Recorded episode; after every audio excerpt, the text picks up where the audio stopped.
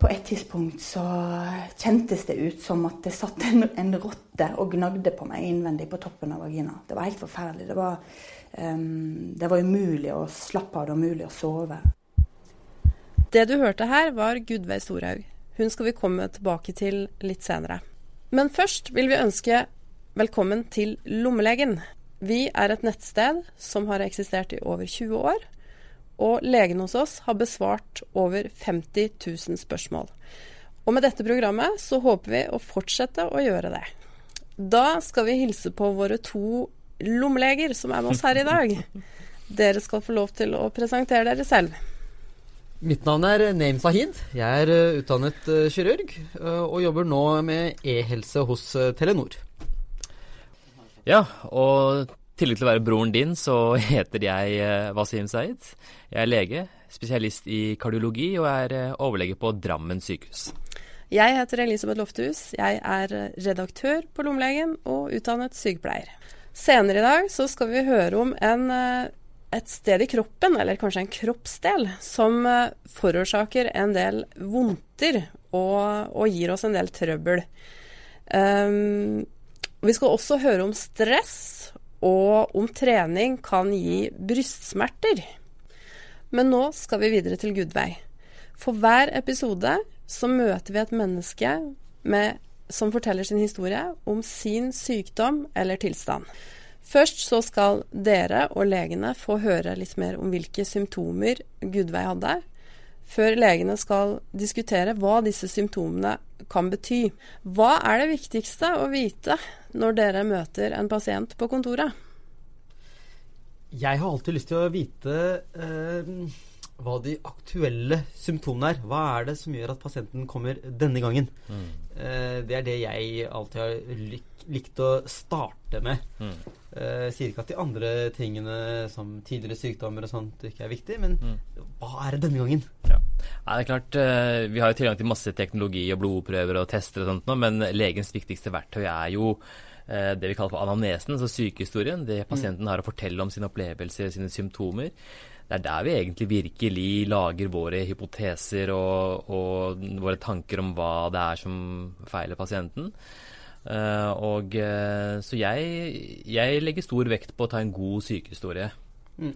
Ja, la oss høre hva som skjedde med Gudveig. Det tok litt tid før jeg merka at noe var galt. Jeg hadde sterke menstruasjonssmerter fra jeg var ung. Eh, og kan vel huske fra begynnelsen av 20-åra at det var ganske veldig sterke. Eh, men min mor fortalte meg at det var veldig vanlig. At jentene i vår familie hadde det sånn. Så jeg eh, tok det ikke opp med legen før mange år seinere. Eh, men jeg var veldig plaga eh, av sterke menstruasjonssmerter og sterke menstruasjonsblødninger. Noen ganger var det så ille at jeg lå i fosterstilling. Kaldsvetta, kasta opp. Jeg var kvalm. Og, og Paracet og Ibux hjalp ikke. Så det måtte bare liksom vente til det gikk over. Fikk òg sterke smerter i tarm. Følte som jeg hadde en kniv opp bak. Um, og var plaga med forstoppelse og diaré når jeg hadde mensen. Når var det du fant ut at du skulle gå til legen med det? Eh, det var ganske mange år seinere. Eh, da var jeg nok i midten av 30-åra. Og da var det blitt så ille at jeg hadde ikke bare smerter når jeg hadde menstruasjon, jeg hadde smerter hele tida. Hva slags undersøkelser ble gjort? Eh, jeg ble jo henvist til gynekolog eh, som jeg gikk hos da i, i to år. Eh, og da var det jo ultralydundersøkelse eh, og, og, utprøving av, av, veldig masse forskjellige hormonelle preparater for å prøve å stoppe menstruasjonen min. Det var liksom behandlingen, da. Eh, det hjalp aldri noe for mitt vedkommende, og jeg ble bare gradvis verre. Og var veldig plaga. Jeg hadde en periode av menstruasjonsblødninger i tre måneder i strekk. Pluss at jeg da hadde smerter 24 timer i døgnet, mer eller mindre.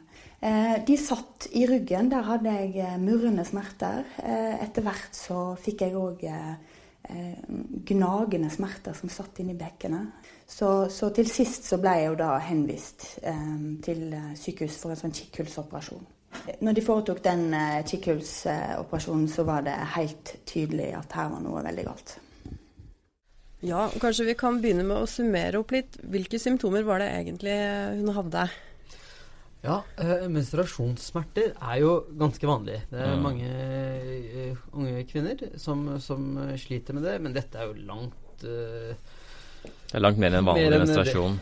Langt mer enn det man skulle forvente ved en Mm. vanlig menstruasjon. Hun forteller at hun ligger i fosterstilling og føler at det er en rotte som gnager inni henne. Mm, Dette er jo ikke normalt. Ja, det høres helt forferdelig ut. Ja.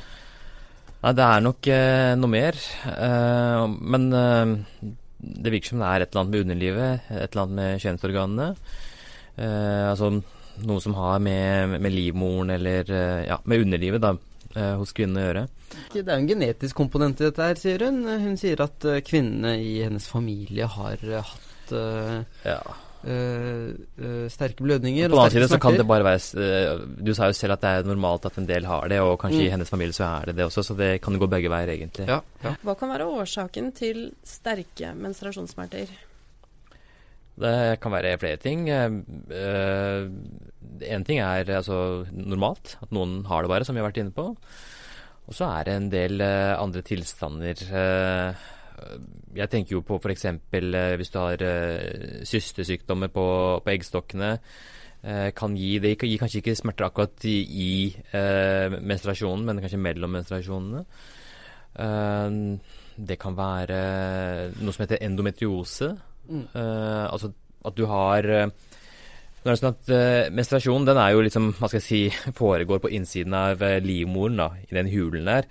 Og innsiden der den er jo kledd med en spesiell slimhinne som er spesielt for livmoren. Eh, men hvis du har noe som heter endometriose, så kan jo den type vev også eksistere utafor livmoren. Kanskje på eggstokkene, på tarmene rundt inni bukhulen. Eh, og da er det jo sånn at eh, det vevet vil eh, oppføre seg akkurat som livmorvev. Eh, og ved menstruasjonen så vil det også blø derifra, og kan være vondt, da. For det skal jo ikke være blod utafor uh, bukhulen. For det er vel de typiske symptomene for endometriose at du har sterke magesmerter, Mm. eh, særlig underlivssmerter, Mm. i forbindelse med menstruasjon. Men eh, altså, hvordan Fordi det med å ha sterke menstruasjonssmerter, det er det jo mange som har. Mm. I hvert fall i en eller annen grad. Så hvordan, hvordan kan man liksom vite at det her er eh, normalt eller unormalt? Sånn vil det jo egentlig være med alt, ikke sant. Det si det er eh, mange som har litt vondt i magen av andre årsaker, og hvordan skal man vite om det er en sykdom eller bare litt vanlig mageubehag?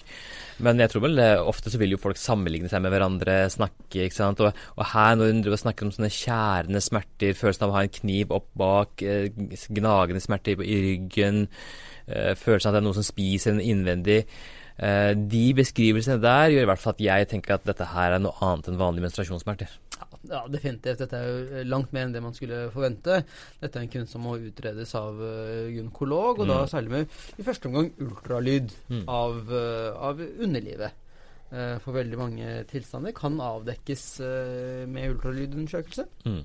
Annet endometriose. Man kan se endometriske forandringer Mm. uh, med en eh, ultralyd. Ja, da skal du ha egentlig en viss størrelse på, på det, altså. Hvis du bare har sånne små flekker med livmorvev utafor livmoren, Mm. så klarer ikke ultralyd å fange det opp. Man kan kjøre MR. Uh, Ja. Da må du også over en viss størrelse for å se det. Ja.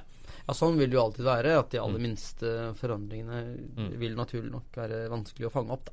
Men hun var jo gjennom en undersøkelse som hun nevnte, altså at uh, hun måtte gjennom en kikkhullsoperasjon.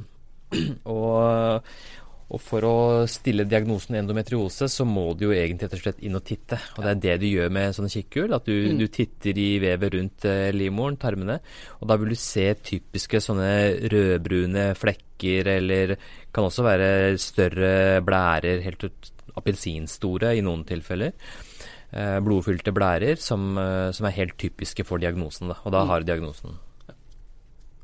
Men hvis man har, eh, hvis man har mye plager med blødninger og, og menstruasjonssmerter, bør man, hva bør man gjøre da?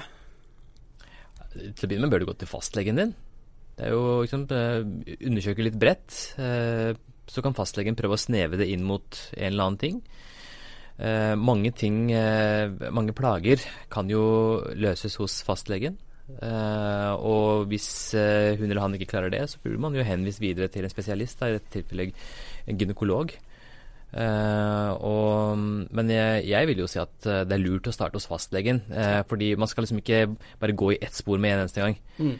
La fastlegen vurdere litt forskjellige muligheter og se hva som egentlig er problemet. Ja. En fornuftig tilnærming. La oss høre videre hva som skjedde med Gudveig. Eh, jeg fikk eh, to diagnoser. Eh, jeg fikk diagnosen endometriose, som er når vev som ligner på det vevet som er inni livmora, kommer på utsiden av livmora. Jeg fikk òg diagnosen adenomyose, som er når dette livmorvevet vokser inn i livmora. Så det var de to diagnosene jeg fikk. Når jeg tok kontakt med legen altså, Det her er ikke bare første gang, men det har vært gjennomgående hver lege. Og jeg har snakka med mange leger. Um, um, at det har vært en bagatellisering. Det har blitt uh, hinta til at det kan være sitte mellom ørene på meg. Um, at, at, det, er bare sånn å ha menstruasjonssmerter. Hvordan har du det i dag? Jeg har jo fjerna livmor, jeg har fjerna eggstokker. Jeg kom i overgangsalder i en alder av 38 år. Det er ganske heftig, altså. Over natta. Um, jeg har fjerna tarm, og det har kanskje vært det verste, fordi um, jeg har fått en del problemer med magen etter det. Um, jeg var så dårlig at jeg, jeg klarte ikke jobbe. Jeg klarte ikke være sosial. Jeg klarte ikke leve livet mitt sånn som jeg ville. Og jeg hadde et brennende ønske om å komme meg tilbake i 100 jobb. Og det må jeg si at eh, der, eh, der er jeg nå. Jeg har, jeg, lever, jeg har helseutfordringer, men jeg lever greit med det pga. at jeg har fått den hjelpa omsider som jeg burde ha fått mye tidligere, syns jeg, da. Jeg sitter jo som leder i Endometrioseforeningen, og, og vi som er i Endometrioseforeningen, vi mottar jo mange telefoner fra dypt fortvila foreldre som ringer på vegne av unge jenter, og jenter som ringer sjøl. Og de historiene som de forteller oss, de har veldig mange likhetstrekk. Og det som går igjen, det er det at på tross av at dette her er en så alvorlig sykdom, så blir ikke folk tatt på alvor. Det er vanskelig å si hvorfor det er sånn. Det er, for det første så er det en vanskelig diagnose å diagnostisere. Fordi eh, den har så masse symptomer som kan ligne på andre sykdommer. Eh, den påvirker tarm, mange får smerter andre steder i kroppen. Eh, og så er det òg en forsinkelse hos pasientene eller jentene sjøl, fordi man får gjerne vite at sånn har vi det i familien vår, dette er normalt. Så det tar kanskje ganske mange år før man går til legen. Eh, og så tenker jeg jo òg at dette er en kvinnesykdom. En litt tabubelagt kvinnesykdom som, som tradisjonelt sett nok har vært litt nedprioritert. Eh, så det er noen av årsakene, tror jeg. Ja, hva er egentlig endometriose? Ja, Wasim, du beskrev jo det egentlig veldig godt, og det gjør for så vidt pasienten også. Mm. Det er når uh, livmorvev er utenfor livmora. Mm. Og uh, livmorvev under påvirkning av uh, hormonsvingningene som man har i menstruasjonssyklusen, vil blø. Mm. Eh, det er det som gir eh, menstruasjon. Og eh, hvis det vevet er utenfor livmoren, så vil det blø der hvor det er, gjerne på tubene, i, mm. altså eggstokkene, omkringliggende tarmer, vev. Ikke bare vil denne blødningen gi sterke smerter, men du får jo også en betennelse. Mm. For, det, for, det, blir åpne sår. Og da får du betennelse, du får uh, arrdannelser. Uh, og uh, de to viktigste symptomene ved endometriose er jo sterke smerter mm. og infertilitet. Mm. Redusert uh, evne til å få barn, altså. Ja. Det er jo, og Grunnen til at det gjør så vondt, da, vil jeg tro at når du blør inni bukhulen, mm. der skal det ikke være blod. Nei. Det er irriterende. Det er ganske interessant. Jeg leste litt om uh, hva som er årsaken til sånn endometriose. da. Og Det vet man ikke helt, men det er noen som har interessante teorier. Blant annet at Eh, når en kvinne eller en jente har eh, menstruasjonsblødning, mm. så går det blodet i stedet for bare gå ut eh, gjennom vagina og ut, så går det faktisk feil vei og ut til, eh, gjennom egglederne, ut i eggstokkene og derifra eh, ut til eh, inn i bukhulen. Da, og har da dratt med seg celler fra livmoren som da på en måte sås andre steder og mm. begynner å vokse der og utvikle seg der. En annen teori går jo på dette her med at dette vevet har eh, forplantet seg der allerede i fosterlivet. Ja. Ved at, eh, eh, ved at når kjønnsorganene, og de indre kjønnsorganene, har Mm. beveget seg nedover i bekkenet, Mm. så har celler blitt hengende igjen etter Mm. og gir opphav til disse plagene. Så er det et poeng at man kjenner jo ikke plager fra endometriose før man er kommet i menstruasjonsalder. Så Mm. Eh, jenter kan godt ha livmorsvev utafor livmoren helt fra de er små, men det er først Mm. når på en måte hormonene i puberteten begynner å kicke inn, og du får på en måte menstruasjon, det er da du merker eh, symptomene. Og eh, på samme måte i andre siden av eh, aldersspennet, da, når du kommer i overgangsalder og ikke lenger har eh, menstruasjon, så slutter du å få de plagene også. For da er ikke det det lenger. Og så er det vel eh, en, en forlengelse av det, da, hvis man er på p-piller, Mm. eh, og da særlig minipiller, Mm. Eh, hvor menstruasjonen kan utebli, Mm. eh, hvor, hvor man får eh, komplett tap av menstruasjon, Mm. så er det mange som blir veldig mye bedre. Mm. Ja, det er en del av behandlingen, det. Ja. For mange. Men så er det jo uh, For hun som vi hørte, Gudveig, hun uh, fortalte jo at de prøvde mye sånn hormonbehandling hos gynekologen, og Mm. ingenting hjalp henne. Så det, noen kan ha så kraftig at det, sånn hormonbehandling ikke hjelper. Og de må jo opereres, da. Og i, og i sånne tilfeller så må man jo inn med, som du nevnte da, ikke sant, mm. kikkelkirurgi, Mm. se på vevet, Mm. og eventuelt svi det bort, eller eh, skjære bort, uh, ta det bort, det vevet som, eh, som eh, har kommet på feil sted. Men jeg tenker at det er jo ganske dramatisk, da, hvis man, sånn som hun fortalte, at man må gå inn og både fjerne egg, eggstokker og livmor. For det betyr jo at de kvinnene ikke kan få barn i etterkant. Mm. Jeg vet ikke, er, er det her vanlig at skjer ved den sykdommen? Nei, så jeg tror de eh, Ganske mange kan håndteres bare med hormonbehandling. Og så er det også sånn at eh, hvis man opererer Og kirurgene vet jo at eh, la oss si det er en ung kvinne da, som eh, kan kunne tenke seg å få barn i løpet av livet, så vil man jo strekke seg langt for å ikke røre de strukturene som har med det å få barn å gjøre. Uh, og man fjerner gjerne kun der det er strengt nødvendig. Uh, jeg vil tro at uh, hvis du har en ung kvinne som har det da på begge eggstokkene og, og de må fjernes, så skal hun være ganske mye plaga før man bestemmer seg for å ta de helt ut. Og så er det litt sånn at eh, hvis man, eh, selv om man fjerner eh, dette vevet, Mm. så har det en tendens til å komme tilbake i veldig mange Mm. tilfeller. Men, men eh, et av symptomene, et av de to hovedsymptomene, er jo altså infertilitet. Og da kan man Mm. tenke seg at man, eh, hvis det er en kvinne som er veldig plaget og ikke kan eh, få barn, så kan man gå og gjøre en operasjon for å få et vindu Mhm. hvor, eh, hvor endometriosen er i lav aktivitet. Mm. Eh, slik at eh, kvinnen kan bli gravid Mm. og få eh, sine unger. Mm. Ja, for hvis hun blir gravid, så går jo svangerskap og fødselen normalt, egentlig. Ja. Kan, kan gå eh, Som regel så går det veldig bra. Mm. Og så er det slik at da har man jo fort fått i hvert fall ni måneder uten, svang, uten menstruasjonsblødninger, og så Mm. kanskje enda et år hvis hun ammer. Mm. Eh, og, da kan man ha et par gode år. Og det er ikke helt riktig å si at, de blir, at det er infertilitet, fordi det er vel mer det at de er vanskeligere for å bli gravid. Altså det er nedsatt fruktbarhet, da, for Ja, å si på den ja. måten. Eh, så fordi mange klarer jo å bli det likevel. Men da, eh, det- det- behandlingen går jo på det, det- å hjelpe dem å bli gravide, de som ikke kan bli gravide. Ikke sant? Og så selvfølgelig lindre plagene. Det er de to, det, det er de to sidene ved behandling, sånn som du har sagt tidligere. Men Gudve, hun snakka jo en del om at hun følte det tok veldig lang tid før hun fikk hjelp. Og så sa hun også noe om at hun følte seg veldig bagatellisert, de plagene hun, hun opplevde. Og, mens for henne så var det veldig dramatisk. Tror dere at det er sånn at mange kvinner som har disse plagene, ofte ikke blir helt trodd? Det er jo veldig dramatisk det hun beskriver. ikke sant? Det er jo kraftige smerter, eh, invalidiserende smerter. Og så har det vel også vært litt sånn at uh, frem til noen få år siden så var ikke dette en sykdom som var veld, veldig høyt oppe på lista. Den siste tiden har det endret seg, Mm. og det er stadig mer fokus på dette. Det er mer kunnskap hos uh, uh, befolkningen generelt, og, og særlig helsepersonell. Dette er noe vi er blitt veldig oppmerksomme på. Um, så jeg håper og tror at det er bedre nå. Mm. Det gjør jeg, Fasim. Men det er vel litt sånn at uh, en del av disse typiske kvinnesykdommene da, Mm. uh, har hatt litt grann lavere status. Uh, det har vært mindre kunnskap. Og det som har med underlivet å gjøre, er, det er tabubelagt. Ja.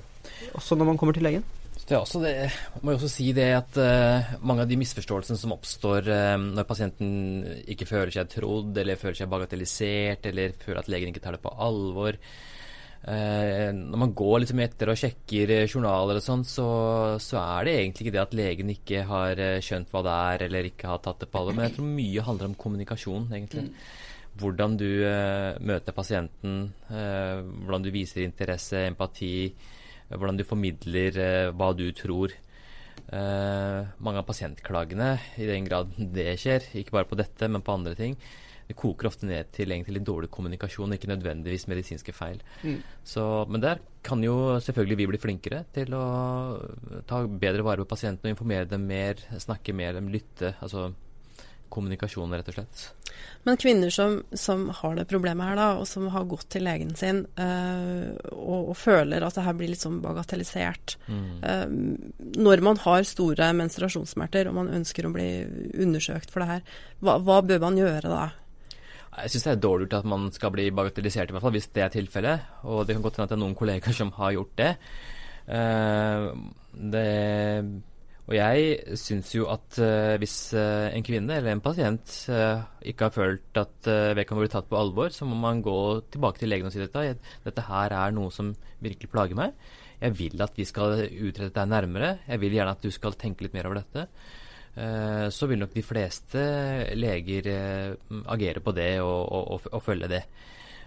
det skal ikke være sånn at man må liksom gå og, mase eller føle at man er til bry Eh, for legen med plagene sine. Det er derfor legen er der, for å hjelpe deg når du har det vondt.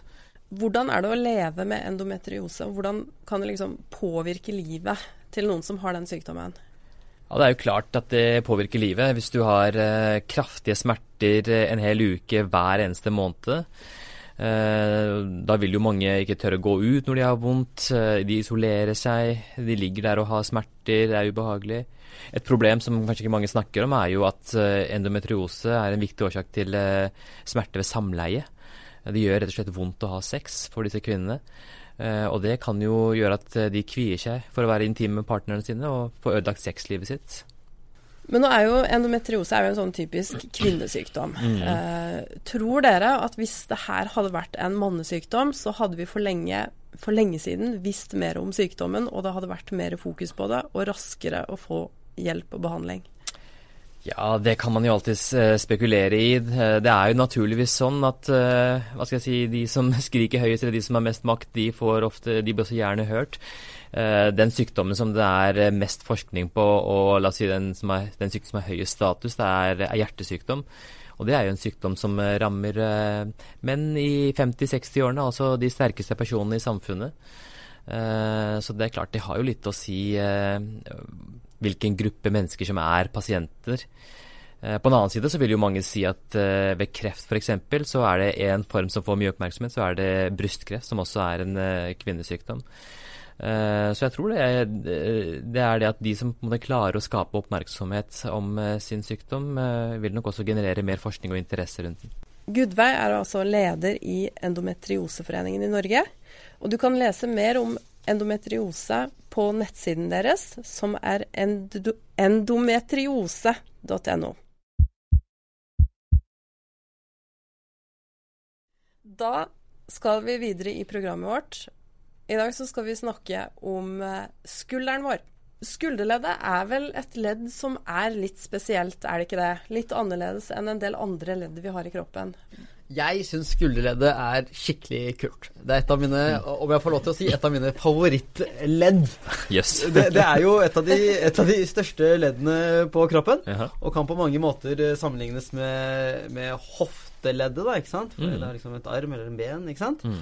Um, forskjellen mellom uh, skulder og hofte er at uh, mens hoftene bærer hele vår vekt, mm. så er ikke skulderen vektbærende. Ja. Men skulderen er allikevel uh, veldig vakker, fordi du har så stor grad av bevegelighet. Det er nesten Mm. ingen andre ledd hvor du kan bevege så mye som du kan gjøre i eh, skulderen. Ikke sant? Du kan ta armen opp og ned. ja. Du kan, liksom, be, armen kan peke i alle retninger. Du kan rotere. Du kan eh, Her er det så mye bevegelse.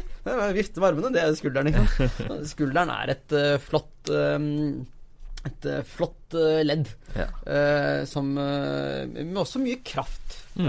Armene, det er liksom de vi bruker veldig mye. Eh, og for å eh, gå litt inn på, kort inn på hvilke lidelser man kan ha i skulderen, så kan det eh, deles inn i to. De yngre eh, pasientene de har gjerne instabilitet i eh, skulderleddet. Uh, mens uh, Ja, det vil si at uh, skulderen er At det er litt slark, da. Ikke Mm. sant? At, eh, Mm. at det kan glippe litt, Mm, eh, etc. Mens de som er, eh, de som er eh, eldre, de sliter da gjerne med slitasje. Eller eh, det at eh, sener kan sett feste seg. eh, litt mer den type problemer. Mm. Og så er det også selvfølgelig altså, Kanskje noe av det vanligste er betennelser Ja. i, i disse skuldermuskelsenene. Mm. Uh, skader, Ja. brudd Mm. er også vanlig. Uh, overrivning av sener. Eh, kragebensbrudd. Så ikke, kanskje ikke det er nød- nødvendigvis skulderen, det, da, men eh, kragebenet fester seg jo i, i Mm. Skulderleddet, det også. Så, ja, så det er også en eh, mm. Nei, så det er jo eh, Skulderen er jo et ganske komplisert ledd også. Det er eh, nettopp fordi det skal ha så mye bevegelse og så mange ulike retninger. Eh, så hvis du ser på leddet, altså anatomien, så er det liksom ikke bare to, to knokler som møter hverandre. Eh, det, er, det er mye rundt. Det er forskjellige leddflater, som det heter. Eh, det er mange ulike muskler og sener som fester seg rundt leddet. Så det er et ganske komplisert ledd. Mm. Men jeg har sett på film at Mel Gibson klarer å slå leddet sitt, skulderen sin ut Ja. av ledd, og så inn igjen. Ja. Det er mange som gjør det, Wasim.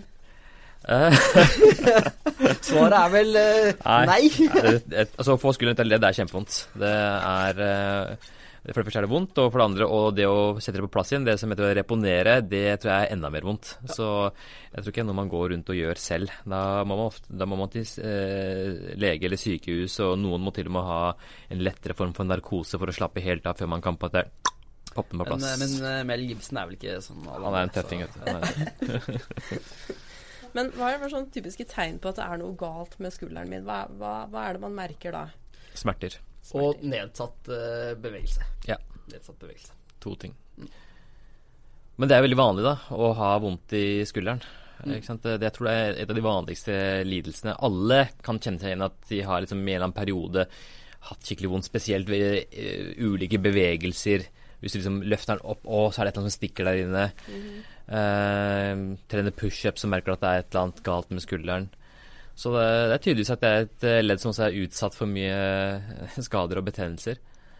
Um, og så kan det jo hende at betennelsen blir så kraftig at det er uh, vondt å bevege. Så det er egentlig ikke nedsatt bevegelighet i leddet, men det er bare det at det er så utrolig vondt å bevege på at du lar være å bevege det. Ja. Men så kan du også ha noe som heter sånn eh, eh, skulderkapselbetennelse, da, eller frozen shoulder. Mhm. Eh, og da blir hele på en måte kapselen rundt eh, skulderen eh, betent og, og hard, og da klarer du rett og slett ikke å bevege den, for det er stivt. Mm, mm. Det er jo det er også et poeng at eh, en stund har det i hvert fall vært eh, populært å operere skulderlidelser. Ja. Men det er litt sånn på, på tilbakegang nå, fordi eh, nyere undersøkelser har jo vist at eh, det er ikke så stor effekt hvis man sammenligner f.eks. operasjoner med det vi kaller for konservativ behandling, da, altså medikamenter eller fysioterapi og sånt, så er det egentlig ikke så stor forskjell på resultatene, så vidt jeg har skjønt. Det som er viktig, er å gjøre en god forundersøkelse, Mm. eh, slik at man i hvert fall forsøker da, å finne akkurat de pasientene som kan ha god effekt av en operasjon. Men hvordan er det med fysioterapi? Kan det hjelpe pasienter som har eh, skuldervondt? Ja, altså det Fysioterapi går jo på å øh, holde i gang bevegelsen. Det som er jo en fare hvis du har en skuldersenebetennelse og du holder skulderen mye i ro, er at den på en måte stivner i den posisjonen, så blir du stiv i leddet. Så ved fysioterapi så blir det viktig å holde bevegelse i leddet, slik at det ikke stivner. Og så er det også sånn f.eks. hvis du har eh, røket en av de flere musklene som, eh, som er der, eh, så må du trene opp de andre, slik at de kan være med å likevel stabilisere leddet og ta over litt av jobben til den, den muskelen som er røket. da. Så fysioterapi har jo en, i hvert fall så vidt jeg vet, en viktig plass i behandlingen av skuddelidelser. Mm. Det var nok om skulderen denne gang. Eh, nå skal vi videre til et spørsmål fra en mann på 24 år som har sendt inn til lommelegen. Han eh, forteller at for to måneder siden så opplevde han en stikkende smerte i brystet. Og dette kom da han trente, ca. 20 minutter etter treningen startet. Og dette har gjentatt seg på trening flere ganger seinere. Han har vært hos lege, og han har sjekka EKG, han har tatt et arbeids-EKG, men ikke fått svar på denne ennå. Han har også nå de siste ukene begynt å få smerter eh, på dager hvor han ikke trener. Smerten sitter da i øvre bryst og ut mot høyre. Han er helt fin når han står opp om morgenen, skriver han, men smerten blir ofte verre utover dagen. Han har over en lengre periode hatt mye stress med, med skolegang og, og arbeid men dette blir bedre nå framover. Men treninga går det ikke så bra med. Han eh, skriver at han har slutta helt å trene, fordi eh, de smertene kommer da altså etter 15-20 minutter hver gang nå. Så hva tenker dere om dette? Hva, hva kan det være? Wasim, du har jo doktorgrad i kardiologi og er eh, spesialist i hjertesykdommer. Denne skal du få lov til å ta. Ja, ja, takk for det. Nei, det er klart dette her er jo en uh, ganske vanlig problemstilling at uh, folk er uh, trenere, aktive, får vondt i brystet, og så lurer man på hva det er. Alle tenker jo på om dette har noe med hjertet å gjøre, da. Er det trange årer på hjertet, det som kalles for kransåresykdom og angina, er et hjerteinfarkt. Um, når jeg, når jeg, ser dette spørsmålet her og leser det han skriver, så tenker jeg at for det første så er han 24 år. Det er veldig veldig uvanlig at det er noen sånn hjertesykdom hos så unge mennesker. Han er veltrent. Eh, symptomene som han beskriver, eh, ligner heller ikke på typisk eh, hjertesykdom. Han har stikkende smerte. Eh, hvis man har trange årer og har angina, så er det mer sånn trykkende, pressende klem i brystet. Uh, og så har den jo vært litt uh, utredet allerede. EKG som var normalt, det trenger ikke å si så veldig mye med mindre det er et pågående stort hjerteinfarkt. Så EKG kan faktisk være normalt selv om du har et lite infarkt. Kan ikke du fortelle bare sånn, hva er egentlig et EKG? EKG det er en undersøkelse som uh, registrerer den elektriske aktiviteten til hjertet. Måler det oppå huden ved å feste sånne elektroder og ledninger. Og så er det et sånt apparat som kan måle den elektriske aktiviteten til hjertet. Og den kan man bruke til å diagnostisere både hjerterytmeforstyrrelser, altså arytmier, hjerteflimmer, den type ting, men også om man har et uh, hjerteinfarkt. Uh, så han hadde jo et normalt uh, eh, EKG, eh, og så tok han også et arbeids-EKG. Og det er jo det samme som et vanlig EKG, men du sitter enten på en ergometersykkel og tråkker rundt med økende belastning, eller er på en tredemølle. Og det er for å sjekke hvordan hjertet oppfører seg når det blir belastet med, med trening. Eh, hvis man f.eks. har trange årer, da, så vil man jo under en sånn test få vondt i brystet. Og kanskje kan man til og med se på EKG at det ser noe med disse konfigurasjonene som viser at det er noe gærent med hjertet. Um, det som, det som, kunne pekt litt i retning av hjertet her, da, det er jo at uh, det er relatert til fysisk aktivitet og trening. Det er jo typisk ved, ved anginasmerter at, uh, at, man får uh, vondt når man, man anstrenger seg. På den annen side så sier han også at han kjenner det når han bøyer seg, spesielt mot en side. Og da tenker man at uh, da er det liksom et eller annet kanskje i, i skjelett eller muskulatur. da Kanskje det er uh, muskler på brystkassa eller langs ryggen eller mellom ribbeina som er ømme eller betente som gjør vondt. En annen ting det også kunne vært, uh, det er jo en betennelse i hjertet. Det som heter myokarditt. Det er jo da litt alvorlig, for da kan hjertet bli ganske skada og svekka. Du kan få utvikle hjertesvikt. Det kan også være en betennelse i hjerteposen. da heter det perikarditt. Uh, det er ikke så alvorlig. Men uh, Det virker jo som at de har tenkt litt i, de banene for å i hvert fall utelukke alvorlige ting, og at man ikke har funnet det.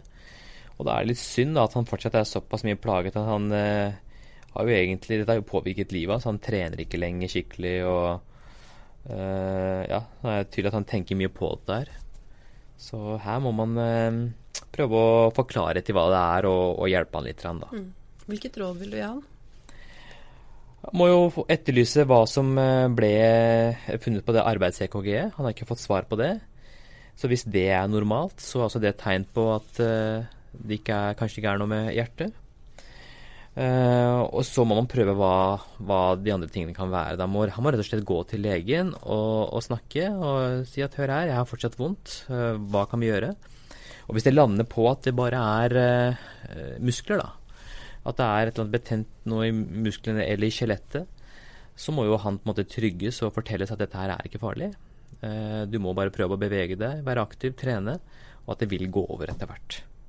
Så må jeg bare spørre om en ting, for jeg sitter og tenker liksom på unge folk som, mm. som er veldig aktive og trener. Uh, vi kjenner jo til liksom flere kjente unge mm. idrettsmennesker som plutselig har dødd av mm. forskjellige ting i hjertet. Mm. Men er det, er det noen grunn til å mistenke noe sånt her, eller? Nei, i utgangspunktet ikke. Bare basert på ren statistikk så kan man si at han høyst sannsynlig ikke har noe gærent med hjertet sitt. Fordi det at unge mennesker dør av akutt hjertestans, som vi har sett på fotballbanen som faller om eller sånne ting, det skjer veldig, veldig sjeldent. Men vi tenker mye på det, fordi når det først skjer, så er det spektakulært, og det kommer på nyhetene, og det gjør inntrykk, og man husker det. Og det som må sies, er at eh, nesten alltid når det dør unge mennesker med plutselig hjertestans på, fotballbanen f.eks., så er det fordi at de har en eller annen underliggende hjertefeil som ikke har vært erkjent tidligere. Uh, så, så, det at helt friske mennesker plutselig faller om, det skjer så å si aldri. Så det er ingen grunn til å uh, fraråde fysisk aktivitet eller til og med hard, intens trening til unge, friske folk. Det var alt for denne gang. Men hvis du har et eh, tips til oss, eh, noe du ønsker vi skal eh, fortelle om i denne serien, så ta gjerne kontakt med oss. Send oss en melding på Lommelegens Facebook-side. Eller du kan sende en mail til meg på elisabeth at lommelegen.no.